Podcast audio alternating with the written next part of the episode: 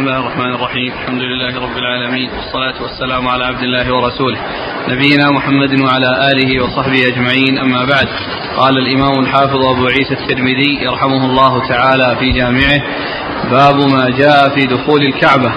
قال حدثنا ابن أبي عمر قال حدثنا وكيع عن إسماعيل بن عبد الملك عن ابن أبي مليكة عن عائشة رضي الله عنها أنها قالت خرج النبي صلى الله عليه وعلى آله وسلم من عندي وهو قرير العين طيب النفس.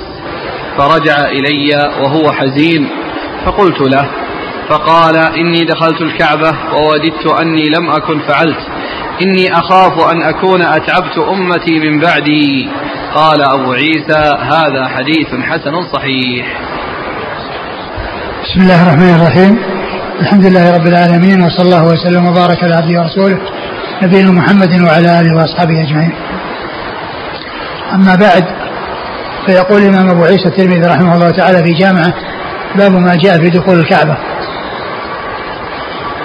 الكعبة دخلها رسول الله صلى الله عليه وسلم وثبت ذلك عنه كما سيأتي و وصلى فيها عليه الصلاة والسلام فدخولها مستحب إذا أمكن ويدعى فيها ويذكر الله عز وجل فيها ويصلى فيها كما جاءت بذلك السنة عن رسول الله صلى الله عليه وسلم.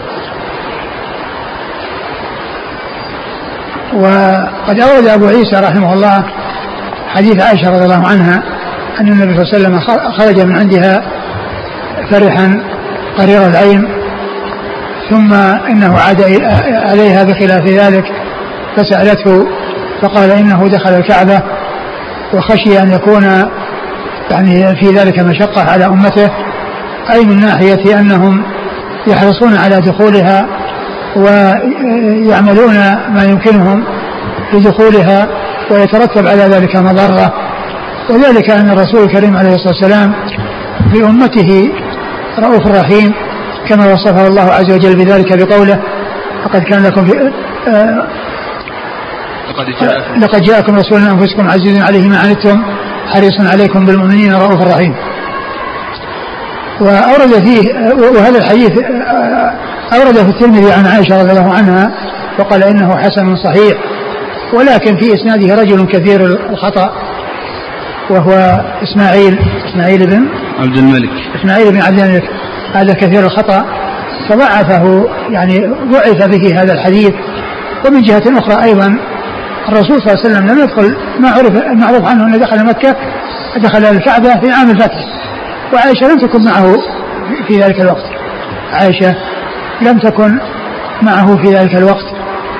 وفي حجته صلى الله عليه وسلم كانت معه لكن لم يعرف أنه صلى الله عليه وسلم دخل في تلك الحجة الكعبة.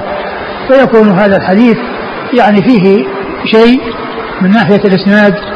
ومن ناحية المعنى في كونه لم يعرف عن النبي صلى الله عليه وسلم أنه دخلها إلا عام الفتح وعائشة لم تكن معه. فيكون الحديث يعني لا يخلو من ضعف. نعم. قال حدثنا ابن أبي عمر. ابن أبي عمر محمد بن يحيى بن أبي عمر العدني المكي صدوق أخرجه مسلم والترمذي والنسائي بن ماجه. والترمذي والنسائي بن ماجه. عن وكيع. عن وكيع بن الجراح الرؤاسي الكوفي ثقة أخرجه أصحاب الكتب الستة. عن إسماعيل بن عبد الملك. إسماعيل بن عبد الملك وهو صدوق كثير الخطأ أخرج له. البخاري في رفع اليدين وأبو داود والترمذي بن ماجه. البخاري في رفع اليدين وأبو داود والترمذي وابن ماجه. عن عن ابن أبي مليكة. عن ابن أبي مليكة وهو ثقة أخرج أصحاب الكتب. اسمه محمد. عبد الله بن عبيد الله. عبد الله بن عبيد الله بن أبي مليكة ثقة أخرجه أصحاب الكتب الستة. عن عائشة. عن عائشة أم المؤمنين رضي الله عنها وأرضاها الصديقة بنت الصديق وهي واحدة من سبعة أشخاص عرفوا بكثرة الحديث عن النبي صلى الله عليه وسلم.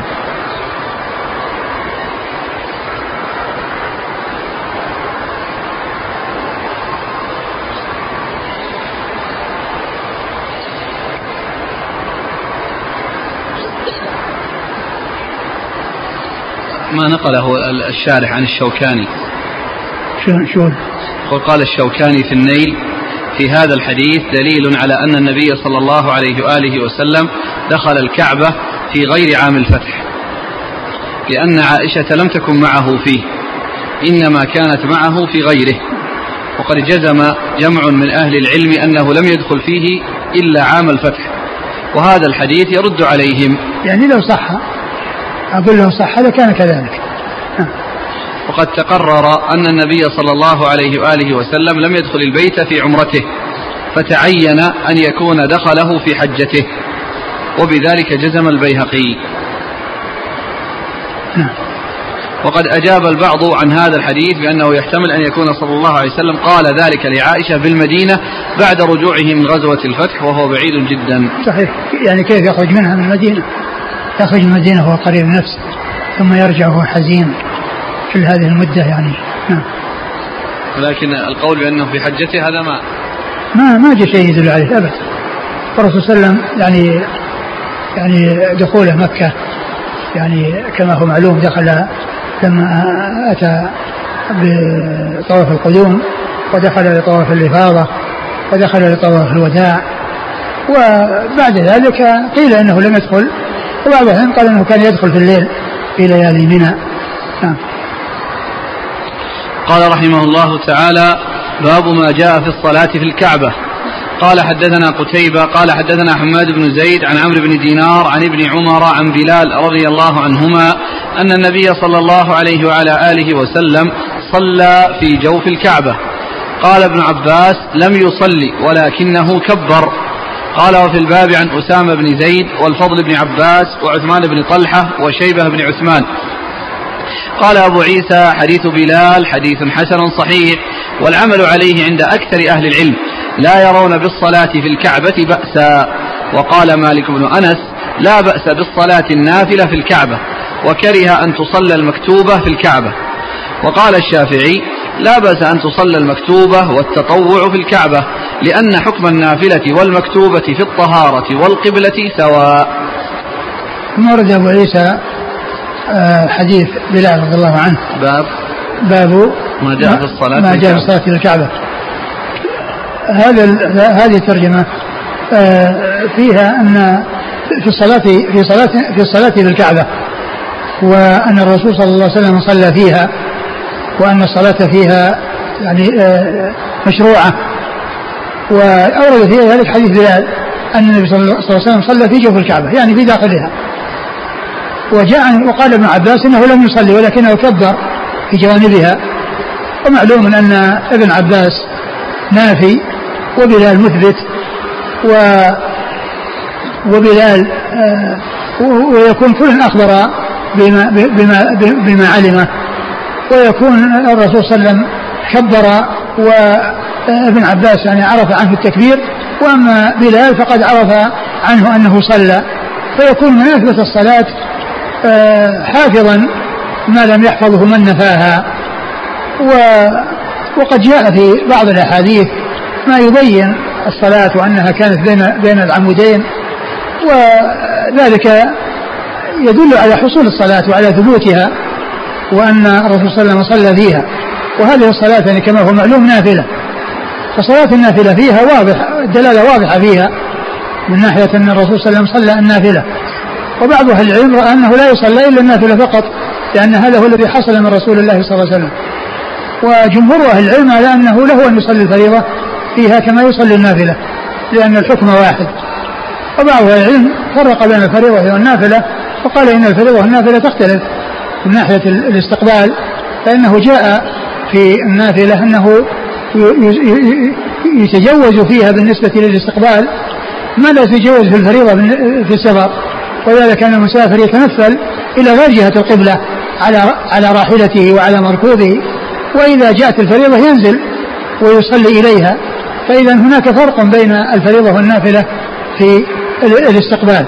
ومعلوم أن في أنه في داخل الكعبة آه، لم يكن مستقبلا لها كلها وإنما هو مستقبل جهة من جهاتها وبعض جهاتها وراءه ومن خلفه. فيكون بالنسبة للنافلة الأمر في ذلك واضح لا إشكال فيه.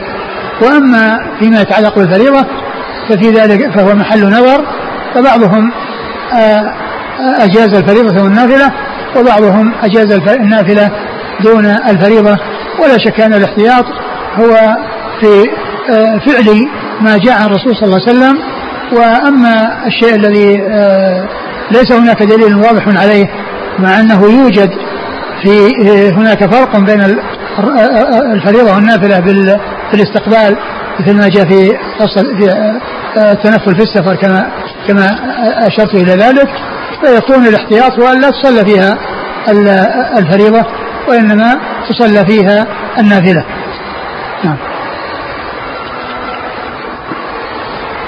قال حدثنا قتيبة قتيبة بن سعيد بن جميل بن طريف البغلاني ثقة أخرجه أصحاب الكتب الستة. عن حماد بن زيد عن حماد بن زيد ثقة أخرجه أصحاب الكتب الستة. عن عمرو بن دينار عمرو بن دينار المكي ثقة أخرجه أصحاب الكتب الستة. عن ابن عمر عن ابن عن ابن عمر نعم عبد الله بن عمر رضي الله تعالى عنهما آه، أحد العباد الأربعة وأحد السبعة المعروفين بكثرة الحديث عن النبي عليه الصلاة والسلام وهذا عن, عن بلال. عن بلال آه، آه، رضي الله عنه وحديثه أخرجه أصحاب الكتب الستة.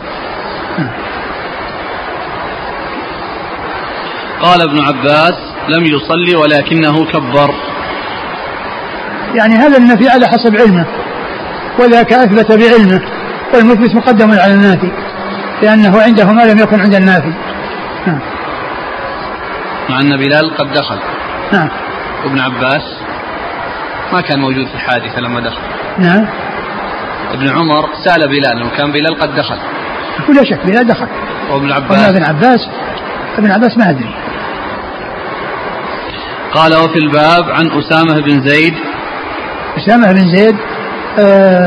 أخرج حديث أصحاب الكتب الستة. والفضل بن عباس. أخرج حديث أصحاب الكتب الستة أيضا. وعثمان بن طلحة. وعثمان بن طلحة أخرج حديث البخاري. لا مسلم وأبو داود. مسلم وأبو داود. وشيبة بن عثمان. أخرج حديث البخاري تعليقا. و اللي كتبته البخاري في الصحيح. البخاري في الصحيح. البخاري وإيش؟ البخاري وأبو داود وابن ماجه. البخاري وأبو داود وابن ماجه. قال أبو عيسى حديث بلال حديث حسن صحيح والعمل عليه عند أكثر أهل العلم. لا يرون بالصلاة في الكعبة بأسا. وقال مالك بن أنس لا بأس بالصلاة النافلة في الكعبة وكره أن تصلى المكتوبة في الكعبة.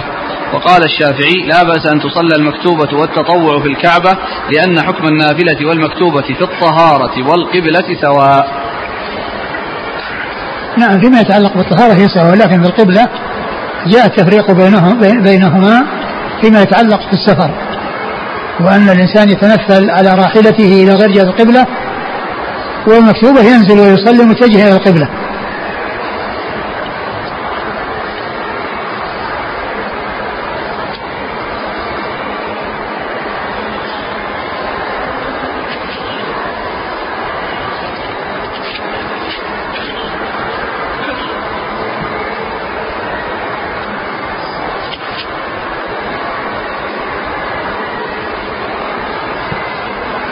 قال رحمه الله تعالى باب ما جاء في كسر الكعبة. قال حدثنا محمود بن غيلان قال حدثنا أبو داود عن شعبة عن أبي إسحاق عن الأسود بن يزيد أن ابن الزبير رضي الله عنهما قال له حدثني بما كانت تفضي إليك أم, أم المؤمنين يعني عائشة رضي الله عنها فقال حدثتني أن رسول الله صلى الله عليه وآله وسلم قال لها لولا أن قومك حديث عهد بالجاهلية لهدمت الكعبة وجعلت لها بابين. قال فلما ملك ابن الزبير هدمها وجعل لها بابين. قال أبو عيسى هذا حديث حسن صحيح. ثم أبو عيسى هذه الترجمة. باب ما جاء في كسر الكعبة. والمقصود بالكسر الهدم يعني كونها تهدم وتبنى. و البناء الذي كان موجودا في آه، آه، قبل الإسلام قبل بعثة الرسول صلى الله عليه وسلم هو بناء قريش الذين بنوها على هذا الوضع الذي هي عليه الآن على هذه الهيئة وهي أنهم تركوا جزءا منها من جهة الشمال وأحيط عليه بجدار مستدير نصف دائرة يقال له الحجر. والعوام يطلقون عليه حجر إسماعيل وهو تسمية لا وجه لها لأنها لأن هذا الحجر وهذا المكان الذي ترك من الكعبة إنما كان في زمن قريش وإلا فإن الكعبة كانت يعني على قواعد إبراهيم داخل فيها جزء كبير من الحجر مقدار سبعة أذرع أو ستة أذرع وكانت على قواعد إبراهيم ولها زوايا أربع لها زوايا أربع. وليس هناك شيء منها خارجا عنها بل كلها تحيط بها الجدران. وقريش قصرت بهم النفقة لما يعني بنوها فجعلوا قسم جزءا منها لم يبنى. وجعل جدار يحيط بذلك الذي آه، بقي منها يسمى الحجر. والسبب في ذلك كون النفقة قصرت عليهم فحصل منهم هذا الذي قد حصل. والرسول صلى الله عليه وسلم قال لعائشة لولا أن قومك الحديث عهد بالكفر لهدمت الكعبة ولا بنيت ولا, ولا بنيتها على وجعلت لها بابين. وجعلت لها بابين. وجعلت لها بابين؟ نعم. وجعلت لها بابين. يعني بابا يدخل منه وبابا يخرج منه. فهي ليس لها إلا باب واحد. فلما ولي بن الزبير رضي الله تعالى عنه هدمها وبناها على هذه على هذه على هذه الصفة التي روتها عائشة رضي الله عنها عن رسول الله صلى الله عليه وسلم. وبعد ذلك هدمت الكعبة وبني وأعيدت على ما كانت عليه في زمن قريش وبناها الحجاج على هذه الهيئة وبقيت مستمرة على هذا على هذا الوضع إلى الآن. وقد ذكر أن هارون الرشيد آه هارون الرشيد أو أو غيره ما أدري في الشرح. ها؟ الشرح. هارون؟ هارون. هارون الرشيد. قال لمالك آه استشاره في أن يبنيها بأن يهدمها وأن يبنيها على على هذا الوضع الذي جاء عن, عائشة. فقال لا تجعل الكعبة العوبة للملوك. يعني كل كل ملك يأتي ويبنيها حتى يقال هذا بنا فلان. وإذا جاء غيره هدمها يقال هذا بنا فلان. حتى يقال هذا بناء فلان. فتركت وبقيت على على هذا الوضع الذي هي عليه واستمرت يعني آه على ذلك. وفي هذا الحديث دليل على أن المصلحة قد تترك من أجل درء المفسدة. لأن الرسول صلى الله عليه وسلم قال لولا أن قومك الحديث عادم الكفر لهدمت الكعبة.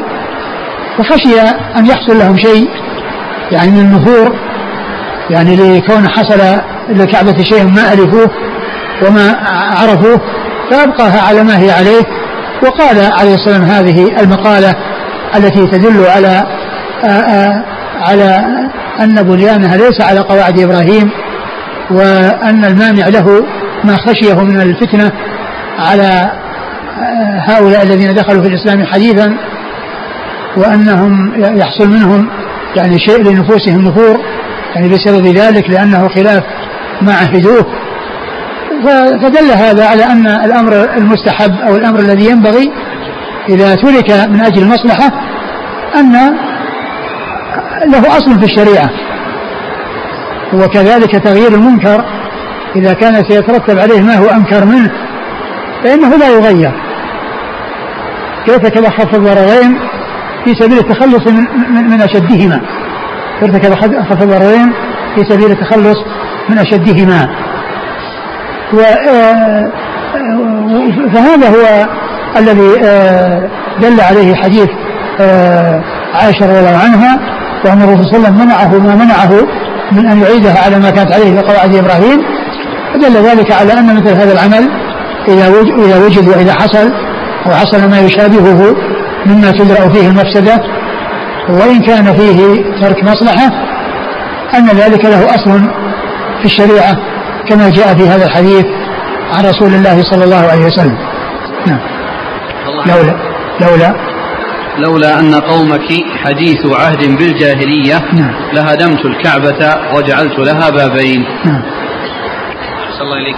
يستدل بالآية. ولا تسبوا الذين يدعون من دون الله. وكذلك أيضا يعني كونه يعني إذا كان المنكر آه، تغييره سيترتب عليه ما هو أنكر منه فإنه لا يغير ويترك حتى لا يحصل ما هو أنكر منه وما هو أشد منه. فلا يسب الذين يدعون من دون الله فيسب الله عدوا بغير علم. فإن سب آلهة الكفار حق ولكنه إذا كان سيؤدي إلى باطل هو سب الله عز وجل فإنه يترك ذلك من أجل درء تلك المفسدة. قال حدثنا محمود بن غيلان. محمود بن غيلان ثقة أخرج أصحابه في الستة إلا أبا داود. عن أبي داود. عن أبي داود سليمان بن داود الطيالسي آه ثقة أخرج له البخاري تعليقا البخاري تعليقا ومسلم وأصحاب السنة عن شعبة عن شعبة في الحجاج الواسطي ثم البصري ثم ثقة أخرجه أصحاب الكتب الستة. عن أبي إسحاق عن أبي إسحاق عمرو بن عبد الله الحمداني السبيعي ثقة أخرجه أصحاب الكتب الستة. عن الأسود بن يزيد عن الأسود بن يزيد وهو ثقة أخرجه أصحاب الكتب الستة. عن عائشة رضي الله عنها عن عائشة أم المؤمنين رضي الله عنها وأرضاها الصديقة بنت الصديق وهي واحدة من سبعة أشخاص عرفوا بكثرة الحديث عن النبي صلى الله عليه وسلم. ابن الزبير يقول لأسر الأسود حدثني بما كانت تفضي إليك أم المؤمنين. يعني عائشة تفضي. يعني آه، تفضي يعني تخبره به. تخبره به أو تحدثه به. مع أنه هو أقرب. نعم. الآن الأسود بن يزيد وابن الزبير. نعم لكن آه، ابن الزبير حصل آه، يعني منه بينه وبين عائشة وحشة. من جهة كلام قاله فيها من ناحية من ناحية سخائها وبذلها وقال فيها كلام إنه يحجر عليها أو كذا فغضبت عليه ويعني آه، منعته من الدخول عليها. هذه قصة معروفة. فيمكن أن يكون يعني هذا يدخل عليها وكانت تفضي إليه بشيء من الأحاديث. في الوقت الذي كان ابن الزبير لا يتمكن من الدخول عليها. قال فلما ملك ابن الزبير هدمها وجعل لها بابين. نعم. ثم أعيدت. نعم ثم أعيدت نعم. وبقيت على على ما هي عليه قال رحمه الله تعالى باب ما جاء في الصلاة في الحجر. قال حدثنا قتيبة قال حدثنا عبد العزيز بن محمد عن علقمة بن أبي علقمة عن أمه عن أبيه. عن أمه. هو يعني في بعض النسخ أبيه ولكن أبوه يعني ليس له رواية. عن أمه عن عائشة رضي الله عنها أنها قالت كنت أحب أن أدخل البيت فأصلي فيه. فأخذ رسول الله صلى الله عليه وآله وسلم بيدي فأدخلني الحجر. فقال صلي في الحجر إن أردت دخول البيت فإنما هو قطعة من البيت ولكن قومك أو ولكن قومك استقصروه حين بنوا الكعبة. فأخرجوه من البيت. قال أبو عيسى هذا حديث حسن صحيح. وعلقمة بن أبي علقمة هو علقمة بن بلال. إيش الإسناد؟ الإسناد؟ قال حدثنا قتيبة عن عبد العزيز بن محمد عن علقمة بن أبي علقمة عن أمه عن عائشة. نعم. آه آه هذا باب ما جاء في الصلاة في الحجر. باب ما جاء في الصلاة في الحجر. أي الحجر الذي بقي من الكعبة خارجها عندما بنتها قريش الصلاة فيه هي من من جزء صلاة الكعبة لأنها لأن الحجر جزء من الكعبة. فالذي يصلي فيه كأنه صلى في الكعبة لأن أرض الكعبة هذا الجزء هو منها وهو داخل فيها في بناء إبراهيم عليه الصلاة والسلام وابنه إسماعيل. فإن هذا الجزء كان داخلا في الكعبة. فالذي يصلي فيه كأنه صلى في الكعبة. لأنه جزء منها. ومن صلى في الحجر فكأنما صلى في الكعبة. لأنه جزء منها. أورد فيه أبو, أبو عيسى حديث عائشة رضي الله عنها أنها قالت إنها تحب أن تصلي في الكعبة فأخذ بيدها وقال صلوا فإنه فإنه جزء من الكعبة استقصرت استقصرته ولكن قومك استقصروه حين بنوا الكعبة. ولكن قومك استقصروه لما حين بنوا الكعبة بسبب نقص النفقة عليهم. فأخرجوه منها وجعلوا بناءها دونه. دونه فصار خارجا منها وجعلوا جدارا محيطا به حتى يطاف من ورائه وحتى يعلم أنه جزء من الكعبة. والطواف لا يصح إلا من ورائه فلو طاف إنسان من داخل الحجر فطوافه باطل لأنه لم يطف بالكعبة كلها وإنما طاف ببعضها. لأنه لم يطف بالكعبة كلها وإنما طاف ببعضها. نعم. قال حدثنا قتيبة عن عبد العزيز بن محمد.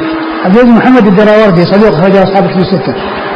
عن علقمة بن أبي علقمة. علقمة بن علقمة علقمة بن بلال هو ثقة. أخرج له أصحاب الكتب. أصحاب الكتب الستة. عن أمه. عن أمه مرجانة. نعم. قال عنها. مقبولة. مقبولة.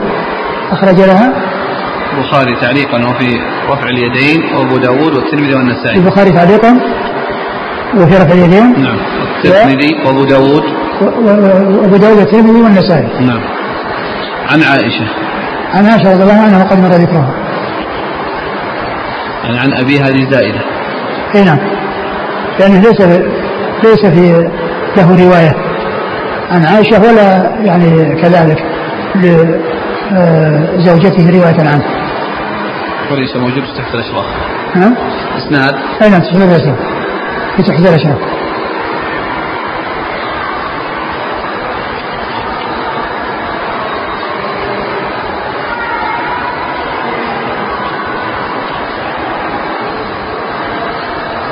قال رحمه الله تعالى باب ما جاء في فضل الحجر الأسود والركن والمقام.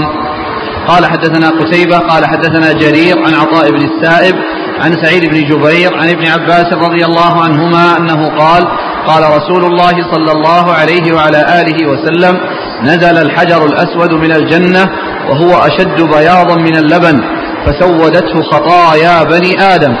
قال وفي الباب عن عبد الله بن عمرو وأبي هريرة رضي الله عنهما قال أبو عيسى حديث ابن عباس حديث حسن صحيح. مر أبو عيسى باب ما جاء في فضل الحجر والركن والمقام. والحجر هو في الركن يعني المقصود الركن الذي فيه الحجر فهو شيء واحد. الركن الحجر هو في الركن لأن آه، الركن الذي فيه الحجر والركن اليماني يقال لهما ركنان فيقال لهما الركنان ويعني يقول بين الركنين. يعني بين الركن الذي فيه الحجر والركن الذي الذي في الركن اليماني. والحجر هو في داخل الركن أو في داخل ركن من أركان الكعبة الذي هو عند بابها والذي هو عند مطلع الشمس مقابل الصفاء مقابل الصفاء هذا هذا الركن الذي هو في مقابل الصفا هو الذي فيه الحجر. فقوله الحجر والركن معناهما واحد. ليس هناك شيء آخر. ليس شيئين. وإنما يقال الحجر الأسود ويقال الركن. يأتي التعبير عنه بالحجر وهو تقبيله واستلامه ويأتي باستلام الركن. فيعبر عنه بهذا ويعبر عنه بهذا. فإذا ذكر آه، ذكر آه، اللفظين ليس للمغايرة إلا من حيث اللفظ لا من حيث المعنى. المعنى واحد وأما اللفظ فهو مختلف. فليس شيئين وإنما هو شيء واحد. قد أورد أبو عيسى حديث ابن عباس. ابن عباس؟ نعم. أن النبي صلى الله عليه وسلم قال نزل الحجر الأسود من الجنة أشد بياضا من اللبن فسودته خطايا بني آدم. نزل من الجنة وهو أشد بياضا من اللبن فسودته خطايا بني آدم. وهذا الحديث في إسناده عطاء بن السائب وهو ممن اختلط والذي روى عنه ممن روى عنه بعد الاختلاط. والشيخ ناصر صحح الحديث أو حسنه وفيه هذا الرجل وقال إن يعني إن, إن, إن وكذلك الحافظ بن حجر قال إنه طريق قد يقوى بها في صحيح ابن خزيمة. والطريقة التي في صحيح ابن خزيمه فيها رجل آخر لم يعرف بالسماع منه قبل الاختلاط. لأن الذين رووا عنه قبل الاختلاط آه، محصورون. وهذا الذي ذكر يعني مع جرير بن عبد الحميد الذي سمع منه قبل الاختلاط بعد الاختلاط ما عرف منه سماع بعد قبل الاختلاط أي من عطاء بن السائب. فلا أدري يعني هل هناك شيء آخر غير هذا فيعني يقوى به الحديث أو أنه آه، خاص بهذه بهذه الطريق التي فيها رجل مقرون بجرير يروي عن عطاء بن السائب وهو ليس معروفا بالسماع منه قبل الاختلاط. نعم.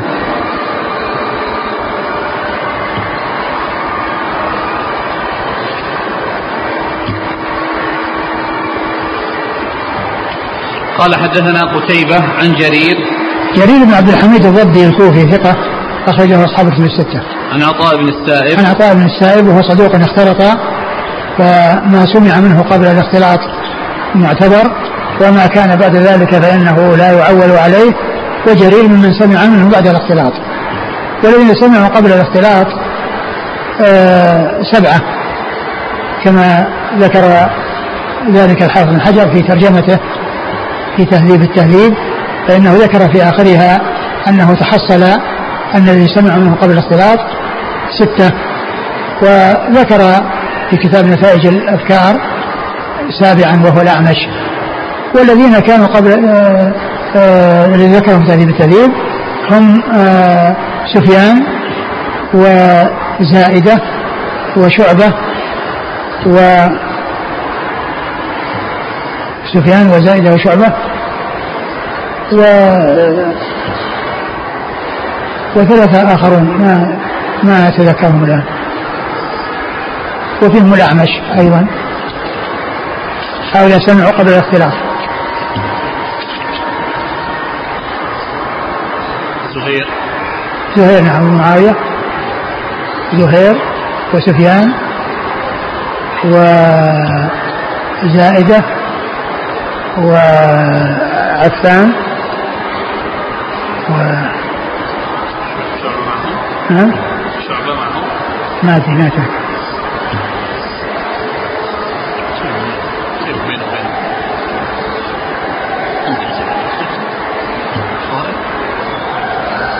طيب عن عطاء بن السائب أخرج له البخاري وأصحاب السنن. نعم أخرج البخاري وأصحاب السنن. عن سعيد بن جبير. سعيد بن جبير ثقة أخرج أصحاب الكتب الستة عن ابن عباس. عن ابن عباس عبد الله بن عباس بن عبد المطلب ابن عم النبي صلى الله عليه وسلم وأحد العباد الأربعة وأحد السبع المكثرين من حديث رسول الله صلى الله عليه وسلم. وفي الباب عن عبد الله بن عمرو. عبد الله بن عمرو بن العاص رضي الله تعالى عنهما هو أحد العبادلة الأربعة من الصحابة وحديثه أخرجه أصحاب الكتب الستة. وأبي هريرة. وأبو هريرة عبد الرحمن بن صخر الدوسي أكثر الصحابة حديثا.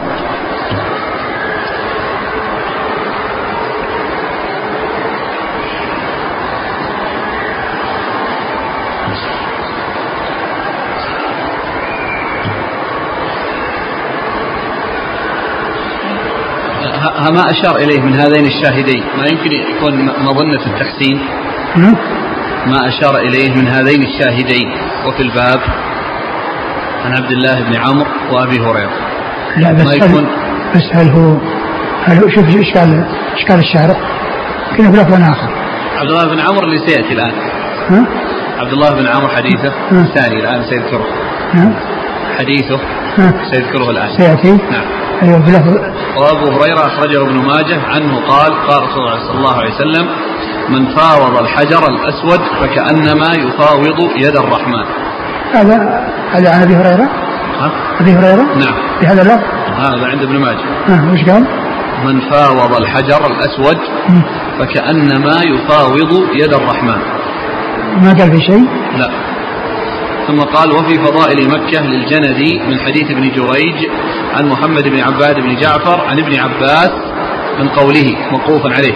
هذاك اللي يمن الله في الأرض. إيه. هذا ضعيف. أقول ضعيف ذاك اللي هو عن عباس.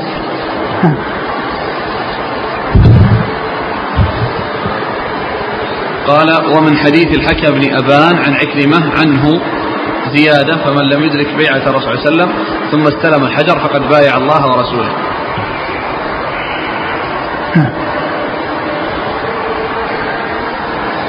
واعلم أن لابن عباس حديثا آخر في فضل الحجر الأسود عند الترمذي. رواه في أواخر كتاب الحج مرفوعا. بلفظ والله ليبعثنه الله يوم القيامة له عينان. له عينان. بس إلى آخره ما ما, ما ذكر باقيه. ها؟ ما ذكر باقيه. ما ذكر باقيه. عندك؟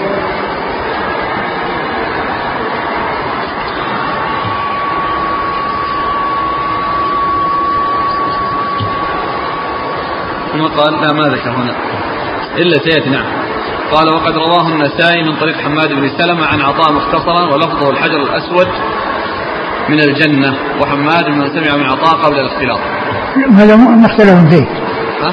هذا ذكر الحافظ بن حجر في في في, في, ترجمته أنه ممن ممن سمع قبل الاختلاط وبعده ولكن لم يتميز.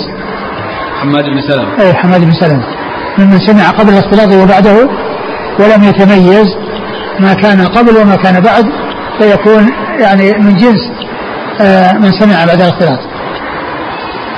وفي صحيح ابن خزيمة أيضا عن ابن عباس مرفوعا إن لهذا الحجر لسانا وشفتين يشهدان لمن استلمه يوم القيامة بحق. وصححه أيضا ابن حبان والحاكم إيه. وله شاهد من حديث أنس عند الحاكم أيضا انتهى ما في الفتح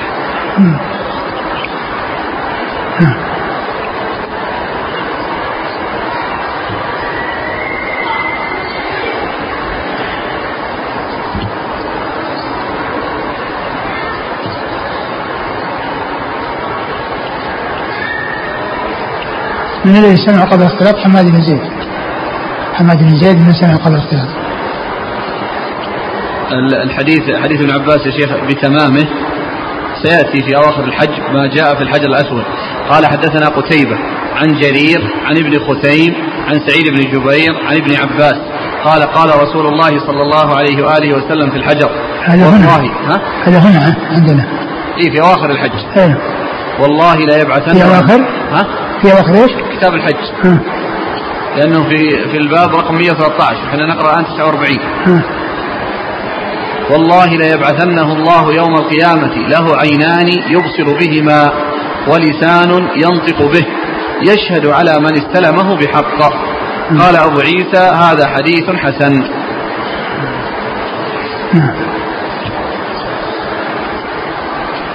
قال حدثنا قتيبة قال حدثنا يزيد بن زريع عن رجاء أبي يحيى قال سمعت مسافعا الحاجب.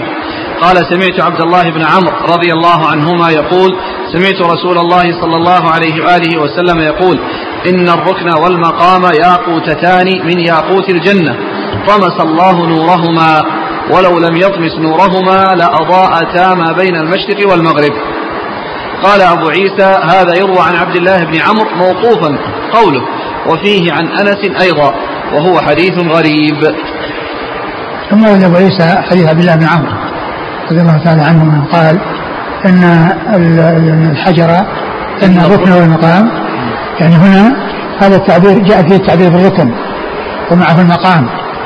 ولعل هذا هو الذي جعل الترمذي يعني يجمع بين ذكر الحجر وبين الركن وذكر الركن وذكر المقام. مع أن الركن هو الحجر. الركن هو الحجر. والحجر هو الركن لأن الحجر في الركن في الزاوية التي عند باب الكعبة. إن الحجر إن الركن والمقام ياقوتتان. من ياقوت الجنة. من ياقوت الجنة.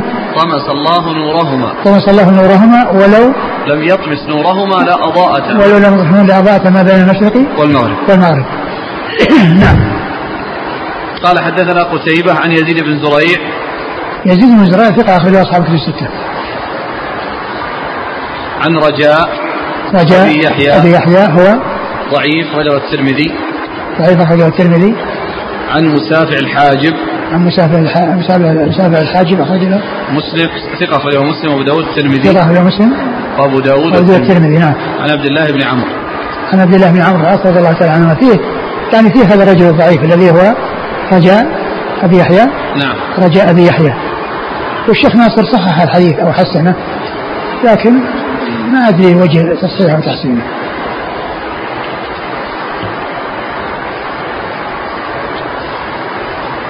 قال أبو عيسى هذا يروى عن عبد الله بن عمرو موقوفا قوله.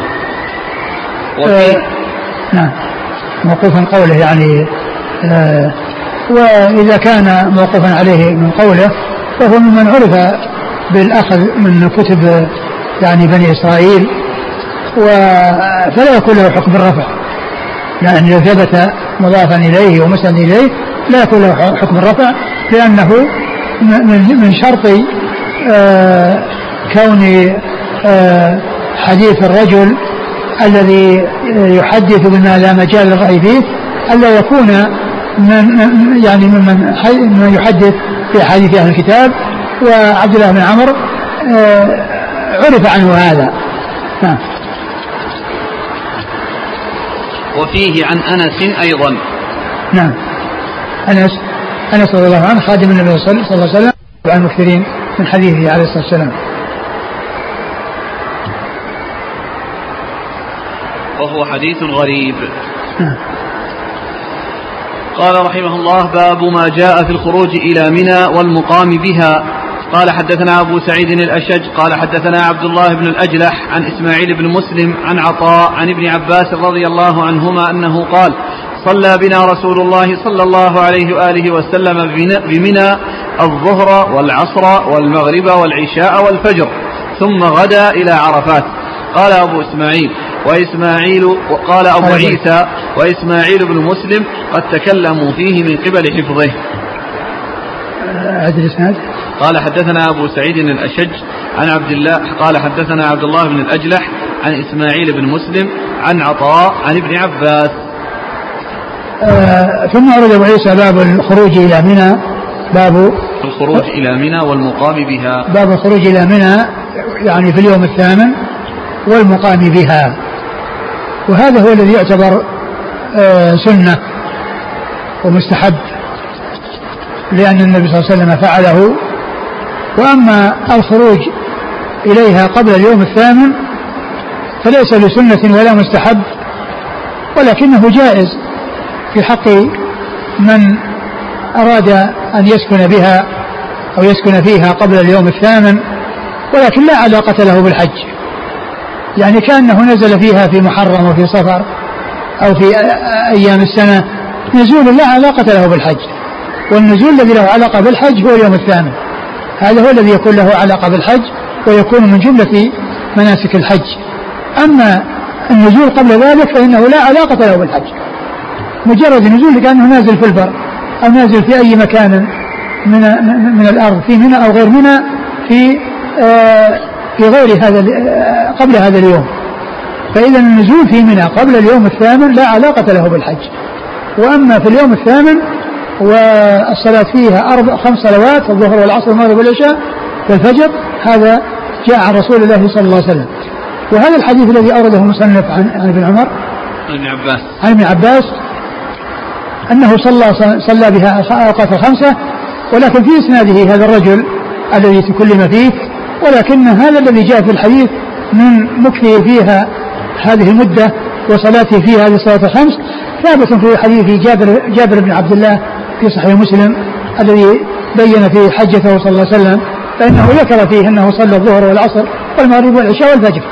فإذا ما فيه ثابت في حديث آخر ليس في هذا الحديث.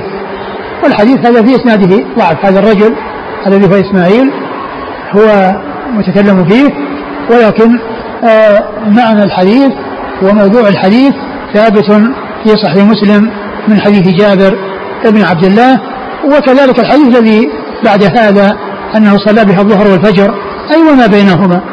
لأنه مكث في هذه المدة وصلى ذكر البداية والنهاية فيدخل ما بينهما يعني في ذلك وحديث جابر الذي في صحيح مسلم فيه التنصيص على الصلوات الخمس الظهر والعصر والمغرب والعشاء والفجر. نعم. قال حدثنا أبو سعيد الأشج. أبو سعيد الأشج عبد الله بن سعيد وهو ثقة أخرجه أصحاب كتب الستة. عن عبد الله بن الأجلح. عن عبد الله بن الأجلح وهو صدوق رجل الترمذي بن ماجه. صدوق رجل الترمذي بن ماجه. عن إسماعيل بن مسلم. عن إسماعيل بن مسلم وهو ضعيف ضعيف ضعيف أخرج له. الترمذي بن ماجه. الترمذي بن ماجه. عن عطاء. عن عطاء بن أبي رباح وهو ثقة أخرجه أصحاب في الستة. عن ابن عباس. عن ابن عباس رضي الله عنه وقد مر ذكره. قال أبو عيسى وإسماعيل بن مسلم قد تكلموا فيه من قبل حفظه. قال حدثنا أبو سعيد الأشج قال حدثنا عبد الله بن الأجلح عن الأعمش عن ويتبين من من إطلاقات الترمذي رحمه الله في الكلام في الرجال يعني آه أن عباراته خفيفة يعني في الكلام في الرجال يعني قلت كل ما فيه يعني فيه كذا تكلم فيه فلان ما أنه يعني يكون أحيانا متروك كما مر بنا في بعض الأحاديث متروك وكلام فيه قلت كل ما فيه أو تكلم فيه فلان. فعبارات الترمذي رحمه الله يعني في جرح الرجال يعني خفيفة. نعم. قال حدثنا أبو سعيد الأشج قال حدثنا عبد الله بن الأجلح عن الأعمش عن الحكم عن مقسم عن ابن عباس رضي الله عنهما أن النبي صلى الله عليه وآله وسلم صلى بمنى الظهر والفجر ثم غدا إلى عرفات. وهذا مثل قبله؟ صلى الظهر والفجر يعني وما بينهما. يعني صلى الظهر يعني ذكر البداية والنهاية ذكر البداية والنهاية وحديث جابر ذكر الأوقات الخمسة كلها وسردها. نعم. قال حدثنا أبو سعيد الأشج عن عبد الله بن الأجلح عن الأعمش. الأعمش سليمان بن مهران الشاهري الكوفي ثقة أخرجه أصحاب كتب الستة. عن الحكم. عن الحكم بن عتيبة ثقة أخرجه أصحاب كتب الستة. عن مقسم. عن مقسم. وهو ثقة أخرج له. صدوق أخرج له البخاري. صدوق أخرج البخاري. وأصحاب السنة. البخاري وأصحاب السنة. عن ابن عباس. عن ابن عباس رضي الله عنه وقد مر ذكره. قال وفي الباب عن عبد الله بن الزبير. عبد الله بن الزبير رضي الله تعالى عنهما أحد العبادلة الأربعة من الصحابة وحديثه أخرجه أصحاب كتب الستة. وأنس وأنس بن مالك رضي الله عنه تقدم ذكره. قال أبو عيسى حديث مقسم عن ابن عباس قال علي بن المديني قال يحيى قال شعبة لم يسمع الحكم من مقسم إلا خمسة أشياء وعدها وليس هذا الحديث فيما عد شعبة. لكن كما هو معلوم آه، الحديث الذي تقدم الحديث الذي في صحيح مسلم وكذلك في غيره مما في معناه شاهد له. قال أبو عيسى حديث مقسم عن ابن عباس قال علي بن المديني علي المديني ثقة أخرج له مسلم أخرجه البخاري وأبو داود والترمذي والنسائي وابن ماجه التفسير قال يحيى يحيى هو بن سعيد القطان ثقة أخرج أصحاب في الستة. قال شعبة لم يسمع الحكم من مقسم إلا خمسة أشياء وعدها وليس هذا الحديث فيما عد شعبة. نعم. يعني فيكون المتكلم فيه من ناحية أنه ليس من مسموعاته لأنه خارج عن خمسة ولكن الحديث آه، له شواهد.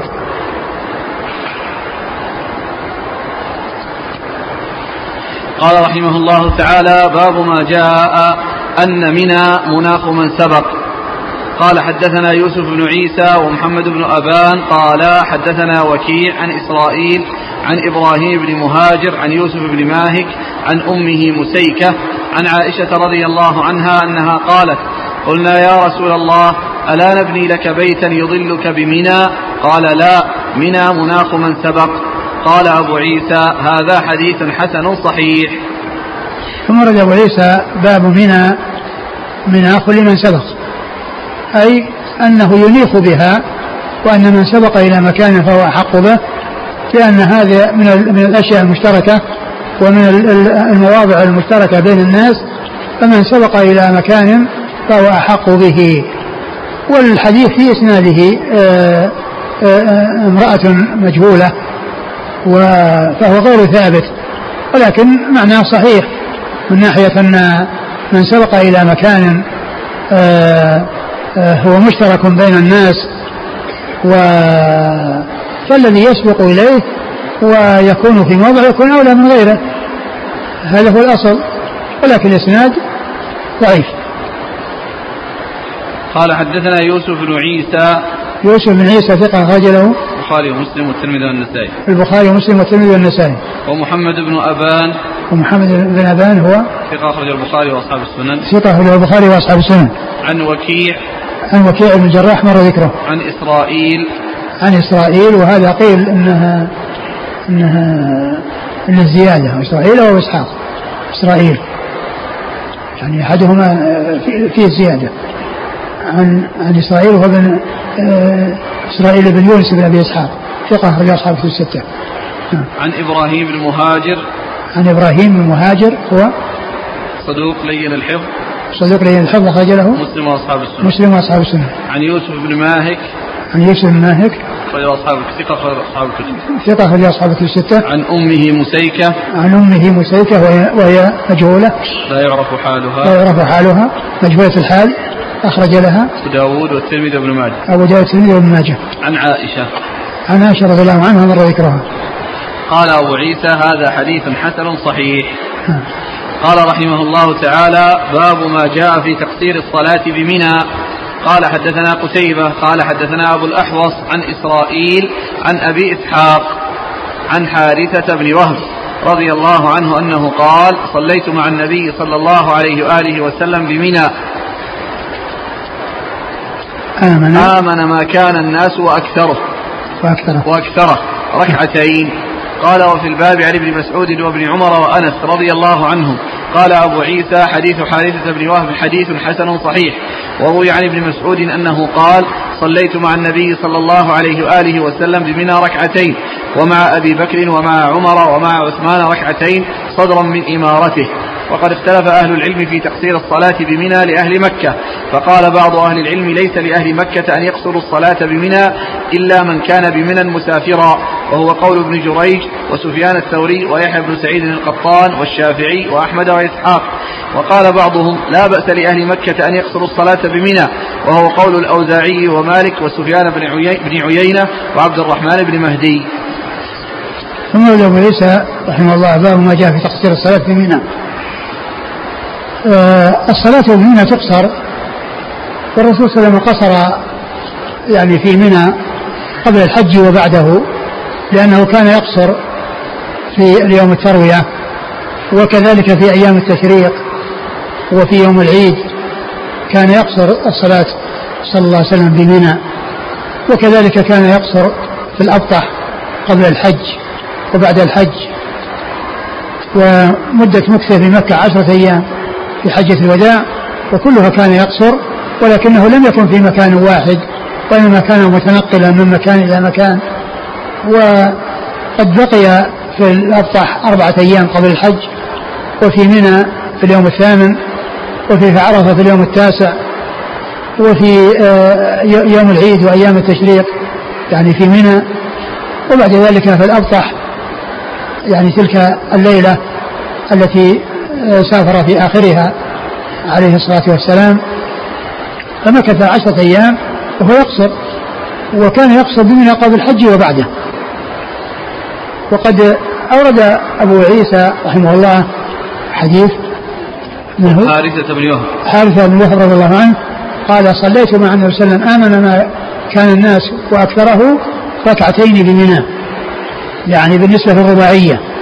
والمقصود من قوله ذكر الأمن يعني أن أن القصر وإن كان في الأصل شرع من أجل الخوف إلا أنه استقرت الشريعة فيه في جميع الأحوال لأن أصل يعني مشروعيته قول الله عز وجل وإذا وإذا ضربتم في الأرض فليس عليكم جناح أن تقصروا الصلاة إن خفتم أن يفتنكم الذين كفروا.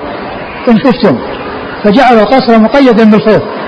وهنا بين أن القصر حصل مع الأمن وبدون الخوف وأن الناس آمن ما يكونون وأكثر ما يكونون وليس عندهم خوف ومع ذلك كانوا يقصرون.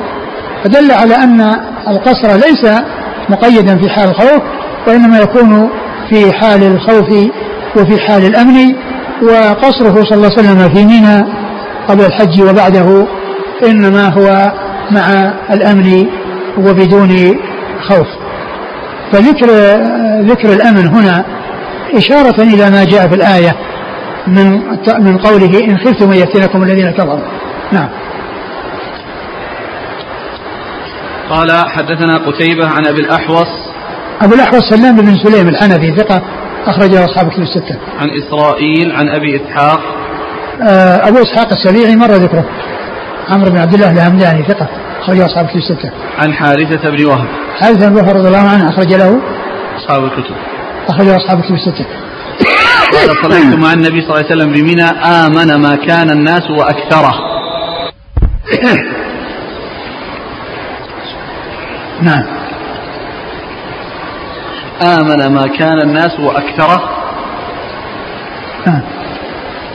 يعني, يعني أن الأمن موجود والكثرة موجودة أي. يعني الكثرة موجودة والأمن موجود.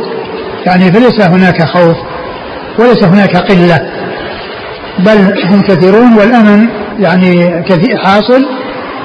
نعم. قال وفي الباب عن ابن مسعود وابن عمر وأنس. ابن مسعود رضي الله عنه عبد الله بن مسعود الهذلي أخرج حديثه أصحاب الكتب الستة. وابن عمر وابن عمر وأنس مر ذكرهما. قال أبو عيسى حديث حارثة بن وهب حديث حسن صحيح وروي عن ابن مسعود أنه قال صليت مع النبي صلى الله عليه وسلم بمنى ركعتين ومع أبي بكر ومع عمر ومع عثمان ركعتين صدرا من إمارته. وهذا حديث مسعود آه، فيه أن فعل الرسول صلى الله عليه وسلم وخلفاء الراشدين أنهم كانوا يقصرون الصلاة. أبو بكر قصر بعد بعد النبي صلى الله عليه وسلم ثم عمر ثم عثمان صدر من خلافته ثم إنه أتم ثم إنه أتم رضي الله عنه. فأتم باجتهاد منه.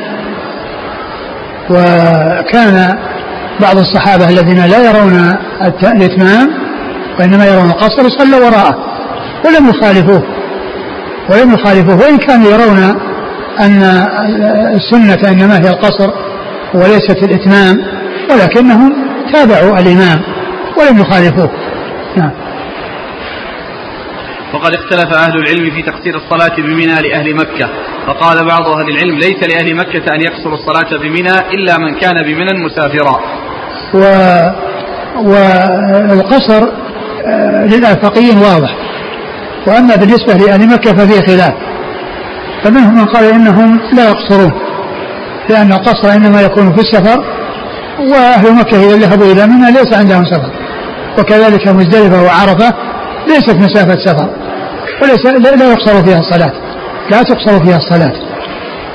قال إلا من كان مسافرا قيل إن يعني إن إن المراد إلا يعني الاستثناء منقطع. أي لكن من كان مسافرا هو الذي يقصر. وأما أهل مكة فليسوا مسافرين فلا يقصرون. فيكون الاستثناء على هذا منقطعا لأن المستثنى ليس من جنس المستثنى منه لأنه غير المستثنى منه. قالوا ويجوز أن يكون متصلا على معنى أن أهل مكة إذا كانوا جاءوا من سفر مثلا يكون واحد في الطائف مسافر ثم جاء ونزل إلى عرفة ووقف بها ثم مزدلفة ثم جاء إلى منى فإنه يقصر لأنه مسافر. لا يزال مسافرا حتى يصل إلى مكة التي هي وطنه. فيكون على هذا متصلا. إذا كان من كان من أهل منى مسافرا بمعنى أنه في آخر سفره. قال أو يكون في أول سفره. وهذا لا ليس المستقيم. لا, ليس الواضح أنه يكون في أول سفره. لأن الإنسان عندما يذهب إلى الحج يعني سيرجع ما يصل عرفة ثم يرجع إلى مكة. فليس متصلا بسفر. ولكنه يتصور في المجيء إلى إلى مكة من من السفر فيأتي إلى عرفة ثم إلى مزدلفة ثم إلى منى فإنه يقصر حتى يصل إلى بلده. وهو لم يصل إلى بلده فله أن يقصر في هذه الصورة. أما ما ذكره الشارح من عن بعضهم من ذكر أنه يمكن أن يكون متصلا على اعتبار أنه بداية السفر فإن الإنسان الذي يحج سيرجع إلى مكة. ما هو ما هو راح يواصل السفر.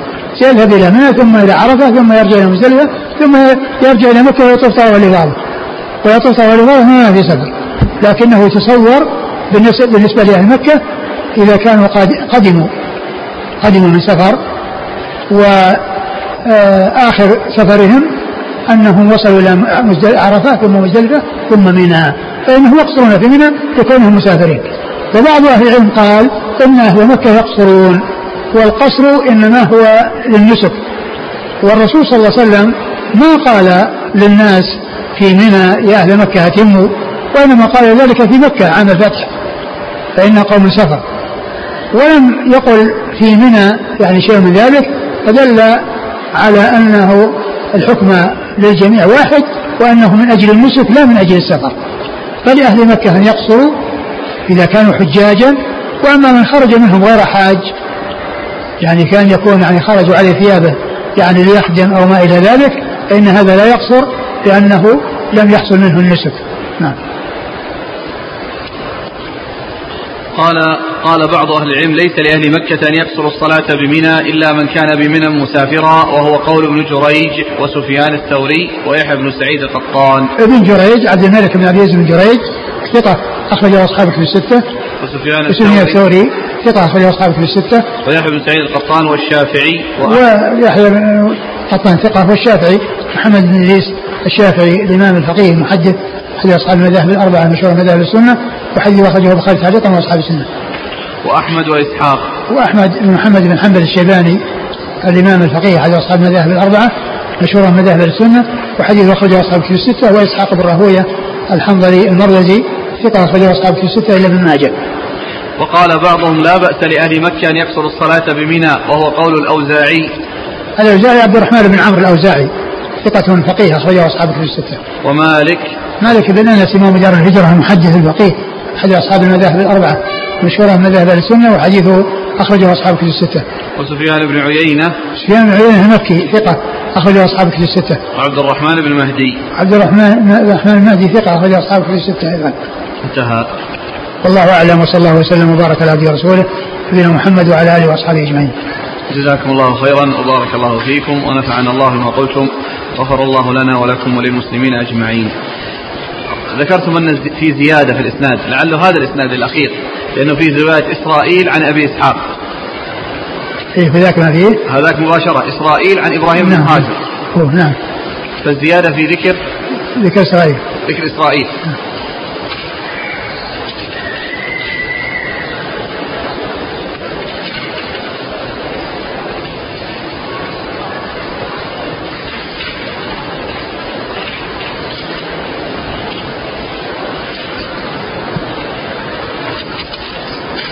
في الترجمة التي مضت باب ما جاء في فضل الحجر الأسود والركن والمقام.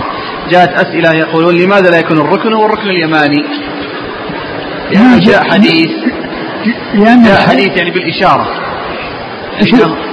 يشير الترمذي إلى حديث آخر وهو أن مسحهما الركن اليماني والحجر الأسود آه، يحطان الخطايا حطا. لا بس هو هو أتى في أنهما ياقوتتان من الجنة. الركن يعني آه، والمقام ياقوتتان من الجنة فليس المقصود به الركن اليماني؟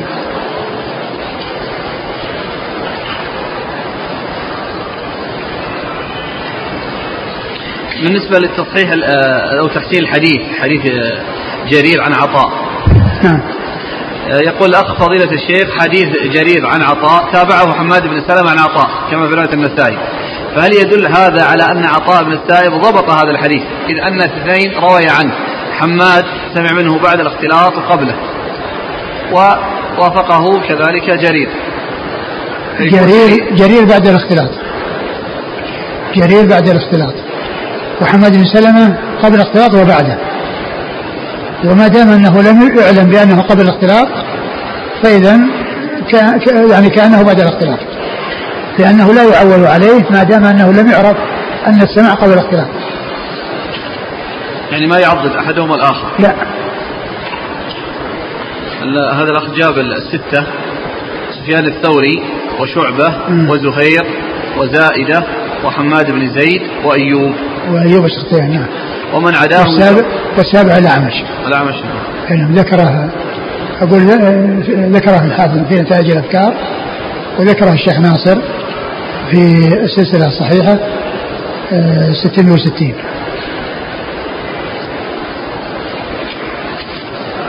والستة ذكروا في آخر ترجمة عطاء بن السائب في تهذيب التهذيب قال فتحصل فتحصل مما تقدم أن الذي سمعوا قبل الاختلاط ستة هم فلان وفلان وفلان يقول السائل هل الراوي إذا كان صدوقا كثير الخطأ؟ يكون حديثه ضعيف دائما؟ آه إذا كان ما جاء إلا من طريقة إذا كان ما جاء إلا من طريقة فإنه يكون ضعيفا. أما إذا وجد له ما يقويه فإن ذلك ينقله يعني عن الرد إلى القبول. يقول هل من المصلحة في هذا الزمن أن ترجع الكعبة على قواعد إبراهيم؟ والله بقاها بقاها على ما هي عليه وعدم التصرف فيها لأن هذا مثل ما قال مالك تصير العوضة. يعني لو يعني أقدم أحد على بنائها يعني بناء يعني جديدا يعني كل واحد يأتي يقول أنا أبنيها حتى تنسب إلي حتى يقال هذه بناية فلان. يقول البعض تسمية الحجر بالحجر تسمية مبتدعة. الصحيح تسميته بالحطيم. هو جاء في هذا الأحاديث. أقول جاء ذكره في الأحاديث الحجر. كيف يكون مبتدع؟ يعني مبتدع قوله إسماعيل. حجر إسماعيل. كونه يضاف إلى إسماعيل. هذا هو اللي مو صحيح. وأما كون حجر هذا جاء في الأحاديث. شكر الله لكم وبارك الله فيكم.